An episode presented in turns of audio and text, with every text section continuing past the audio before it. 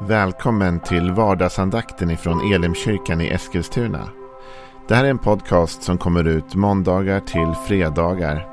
Om du vill veta mer om vilka vi är, vad vi tror på, hur du kan komma i kontakt med oss eller vad vi kan erbjuda dig för någonting så gå in på www.elimkyrkan.com. Får jättegärna gå in och likea vår Facebook-sida. Det är facebook.com elimeskilstuna. Eller så söker du upp oss på YouTube och då söker du på Elimkyrkan Eskilstuna. Vi vill jättegärna komma i kontakt med dig. Men nu lyssnar vi till dagens andakt. Välkommen till vardagsandakten. Jag heter Joel Backman, jag är pastor i Elimkyrkan i Eskilstuna. Vad roligt att du tar en stund av din dag att lyssna till det här och läsa Bibeln med mig och fundera kring vad den har att säga till oss idag. Den här veckan har vi snurrat in lite grann på vårt samvete. Och vi har gjort det utifrån en situation som utspelar sig i en stad som heter Korint. Det var så att Paulus han skriver ett brev till den församlingen och det pågår en diskussion där som kanske inte är liksom del av vår verklighet men den var högst aktuell för dem. Det var så att i Korint fanns det mycket avguderi, avgudatempel och så vidare. I de här templen så offrades det djur till då avgudens ära så att säga. Eller för att blidka någon gud. Och då kommer frågan hos de kristna, kan man äta det köttet som är offrat till ett annat djur? Alltså ett annat djur, eh, ett annan gud. Är det okej okay att jag äter det verkligen? Paulus han svarar faktiskt kanske lite förvånande för oss. För man kan ju tänka att det kan väl verkligen inte vara sunt eller okej. Okay. Men Paulus svarar faktiskt två gånger att allt är tillåtet. Men han säger också här får ni några tolkningsnycklar för att kunna hålla ert samvete rent och känna att ni har fattat goda beslut. Allt är tillåtet men allt är inte nyttigt. Och allt är tillåtet men allt bygger inte upp er. Så fundera kring det. Och sen säger han att ni ska inte främst heller tänka på vad som är bäst för er utan tänk på dem runt omkring er. Väg in det i ekvationen. Är det skadligt för dem runt omkring mig? Och så ska ni vidga cirkeln lite och tänka också. Är det här bra eller dåligt för Guds rike? För det här evangeliet framåt kan någon bli frälst av detta liksom. Och om liksom du kan känna en trygghet i alla de svaren, då behöver du inte oroa dig, tycker Paulus. Men ändå så är det så att även om du och jag checkar av alla de boxarna och tycker att vi har gjort ett genomtänkt eller väl fattat beslut så kan du och jag få kritik i alla fall. Alltså alla människor får kritik, mer eller mindre såklart. Men om du aldrig har fått kritik i ditt liv, då har du troligtvis aldrig ens lämnat ditt hem. Utan så fort man går ut så kommer man möta i reaktion och, och samtal med andra människor kritik såklart. Eller att folk har synpunkter på hur man gör det man gör. Hur hanterar vi det? Jag tänkte vi ska läsa den här texten en gång till från Korinthierbrevet 10 och vers 23 framåt. Allt är tillåtet, men allt är inte nyttigt. Allt är tillåtet, men allt bygger inte upp. Ingen ska söka sitt eget bästa, utan den andres.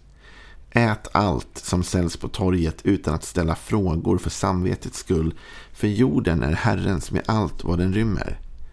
Om någon av dem som inte tror bjuder hem er och ni vill gå, ät då allt som sätts fram åt er utan att ställa frågor för samvetets skull. Om någon skulle säga till er, det här är offerkött, avstå då från att äta av hänsyn till den som sa det och för samvetets skull. Jag menar då inte ditt eget samvete utan den andres. Varför ska min frihet dömas av en annans samvete? Om jag äter med tacksamhet, varför blir jag då kritiserad för något som jag tackar Gud för? Alltså, om ni äter eller dricker eller vad ni än gör, så gör allt till Guds ära. Väck inte anstöt, vare sig hos judar eller greker eller i Guds församling. Själv försöker jag i allt foga mig efter alla och söker inte mitt eget bästa utan det mångas, för att de ska bli frälsta. När Paulus försöker förklara det här så målar han upp ett par scenarion för att hjälpa dem förstå hur de kan tänka. Det första scenariot är att de är ute och handlar på torget och de ska handla kött och äta. Och så säger han så här, ja, men tänk att ni är ute och handlar på stan och så vet ni inte vad köttet är för kött. Alltså ni vet inte om det där köttet i, i det där köttståndet, liksom, om det är offerkött eller om det är vanligt kött från någon annan ställe. Ni vet inte det. Då säger Paulus, då behöver ni inte heller fråga det. Ni behöver inte oroa er, därför allt, för jorden är Herrens med allt vad den rymmer, både det djur som offrades i en avgudaceremoni och det djur som inte offrades. Båda de tillhörde Herren och ni kan äta vad ni vill. Alltså om du inte vet så ät. Du behöver inte oroa dig utan lita på Gud istället. Och du har inget, upp, inget ont uppsåt i det läget, eller hur? Du vill bara handla ditt kött. Så Paulus säger, där behöver ni inte tänka på det sättet. Men sen målar han upp ett annat scenario. Och så målar han upp ett scenario där han säger, men tänk om ni blir hembjudna till några då, som inte tror. Och redan här vill jag säga att Paulus ger oss en nyckel faktiskt som man lätt går förbi. Han säger, om någon av dem som inte tror bjuder hem er, och ni vill gå. Alltså med andra ord, du känner för att gå dit. Du vill det här. Det här känns bra. Det är någonting som du vill få göra. Det är vänner till dig eller sådär va. Sen, om ni känner det. Och då ät då allt som ställs fram och sätts fram utan att ställa frågor för samvetets skull. Alltså, du kan käka vad du vill. Du behöver inte tänka på det. Ät det de ställer fram åt dig. Du behöver inte ställa en massa frågor. Var kommer det här köttet ifrån? Var är det här ifrån? Utan jorden är Herrens med allt vad den rymmer. Så ät vad du vill, säger Paulus. Du behöver inte tänka så. Även om det skulle vara offrat i någon offergudsceremoni så spelar inte det någon roll för dig. För du har inte varit del av den ceremonin och det är inte därför du äter det. Utan du äter för att bli mätt. Men, säger han. Om någon då skulle säga till er det är offerkött det här. Alltså med andra ord målar han upp ett scenario där de är hemma hos några som inte delar deras tro. Och de poängterar att det här köttet här, det är offerkött. Då tycker jag inte att du ska äta det, säger Paulus. Men inte, på, inte för din skull. Det är, inte, det är inte du som är problemet och det är inte köttet som är problemet. Utan uppenbarligen så vill den här personen du pratar med göra dig uppmärksam på att det är offerkött. Och han känner sig kanske dum för att han har ställt fram det. Han vet att du har en annan tro. Han tänker det kanske är så att du vill veta det och då kanske du inte vill äta det och så vidare. Och då säger Paulus, för den personens skull kan du avstå. Om den personen känner sig obekväm av att du som inte delar hans tro äter av offerköttet, men gör inte det då, avstå då det. Då behöver du inte käka av det om det blir till problem för den personen. Men för dig är det fortsatt inget problem.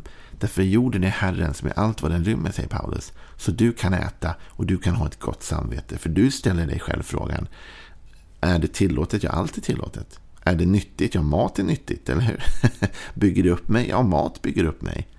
Skadar det någon i min omgivning att jag äter? Nej, inte om det är så att jag inte äter upp hans mat. Eller hur? Utan vi delar mat liksom. Så att Paulus säger det är inte ett problem för er. Men om det blir ett problem för någon annan vid bordet, då kanske du ska avstå. Och så säger han något oerhört kraftfullt som du behöver ta med dig i ditt liv. Då säger han så här, när han har sagt att de kanske ska avstå då. Jag menar då inte ditt eget samvete utan den andres. Varför ska min frihet dömas av en annans samvete? Om jag äter med tacksamhet, varför blir jag då kritiserad för något som jag tackar Gud för? Det här tycker jag är väldigt viktigt. Det är lätt att du och jag när vi får kritik liksom tar den till oss och, och vi får dåligt samvete. Va? Och jag vet själv att eh, som, som predikant, liksom ibland när man predikar så kommer det fram, säg att det kommer fram tio personer efter en gudstjänst. Och de säger positiva saker om din predikan och du känner dig uppmuntrad och tackar Gud för att det du hade liksom planerat eller känt var rätt eller gav någon frukt. Men så kommer det en lirare Eh, eller lirarinna då, man kan säga så, eh, som kommer till dig och säger efter något kritiskt om din predikan. Och jag vet av erfarenhet att den där enda kritiska kommentaren som bara utgör liksom 10% av alla de kommentarer du fick. Den kommentaren kommer ändå vara den som du bär med dig och som du tycker är jobbig och irriterande och som stör dig på eftermiddagen. Spelar ingen roll hur positiva de andra var. Den där griniga kommentaren, sura kritiken är den man brottas med. Men då säger Paulus, du ska inte liksom du ska inte låta din frihet dömas av någon annans samvete. Om det störde någon annan och den personen blir irriterad på dig så behöver du inte ta emot det i ditt inre. Du kan fortfarande känna att jag gjorde inget fel. Jag känner att jag har gjort rätt. Det var otur om du uppfattade det illa och jag kan avstå för din skull om det stör dig och det stör ditt samvete så kan jag avstå för fridens skull. För Paulus talar här hela tiden om att sätta andra personer högre än sig själv. Så om det är så att det här stör dig då kan jag låta bli. Men mitt eget samvete är inte dömt och jag tänker inte låta mig dömas. Utan jag tänker leva i frihet. Va? Och Det är ibland väldigt viktigt för oss att verbalisera det och faktiskt säga till oss själva. Har den där kritiken jag fick nu. Alltså jag behöver ju inte göra så om det stör den personen. Men jag känner mig inte dömd av detta. Jag har ett rent samvete. Jag har agerat som jag har uppfattat rätt. Och jag låter inte dig liksom binda mitt samvete. För jag åt med tacksamhet. Och då tänker jag inte bli kritiserad. Liksom. Ta emot den kritiken. Va? Nu har inte du och jag problem med offerköttskulturen i Sverige, eller hur? Men jag kan ge dig ett, ett exempel som kan vara lite banalt eh, och löjligt. Men då förstår du lite grann hur jag tänker. Jag gillar ju hårdrocksmusik. Eh, liksom. Jag gillar all musik, men jag gillar mycket hårdrock. Och jag gillar mycket tung hårdrock. Och eh, vid något tillfälle så la jag ut på Instagram att jag hade på mig en, en dödsmetall-t-shirt. Och, eh, och då fick jag genast kritik. Det var någon som tyckte att det här var helt olämpligt av en pastor. Och det till och med slutade med att vi var tvungna att sitta i ett samtal och försöka prata om detta. Va? Om min t-shirt. Man kan tycka mycket om detta, men så blev situationen. Och då förklarade jag i den situationen då att liksom det här var för det första inget som störde mig. Därför jag hade skäl till det. Nummer ett, var det tillåtet? Allt är tillåtet. Nummer två, var det något som rev ner mig? Alltså det här var ett kristet dödsmetallband till och med som predikade evangelium om Jesus. Så att egentligen så var det ju nyttigt för mig att höra texterna om man nu hör dem då i tung musik. och det byggde upp mig för jag varit glad och uppmuntrad av det. kände mig liksom, det gav mig energi. Eh, det störde inte, alltså det skadade ju ingen runt omkring mig. Ingen vart ju, tog ju, blev ju illa behandlad på grund av att jag lyssnade på den här musiken. Eller deras liv blev inte sämre. Det störde den här personen då visserligen och jag kan ju återkoppla till det. Och så kan man tänka, förde det någon till frälsning? Man skulle faktiskt kunna argumentera för att det här bandet till och med förde människor till Jesus eftersom de skrev om Jesus och talade om Jesus. Så jag kan känna att mitt samvete var rent. Jag ångrar inte att jag hade på mig den kristna dödsmetalltishan. Och jag har gärna på mig den igen. Och jag har den på mig då och då här hemma i mitt hem. Däremot kan man tänka så här. Om det stör samvetet hos någon annan. Om det är så att någon annan blir supersur och irriterad och tycker det här är besvärligt. Då kan jag ju välja att inte ha den t-shirten på mig där den personen är. Jag kan ju välja att inte medvetet stöta mig med eller irritera den här personen. Jag kan ju välja en högre väg. Va? Och Det är det Paulus talar om här. Om du sitter vid ett bord och det stör dem att du äter av det köttet, låt bli då. Gör inte det då. Varför ska du störa dem och stöta dig med dem i onödan? Men du behöver inte känna att det är för ditt samvetes skull. Du är fri.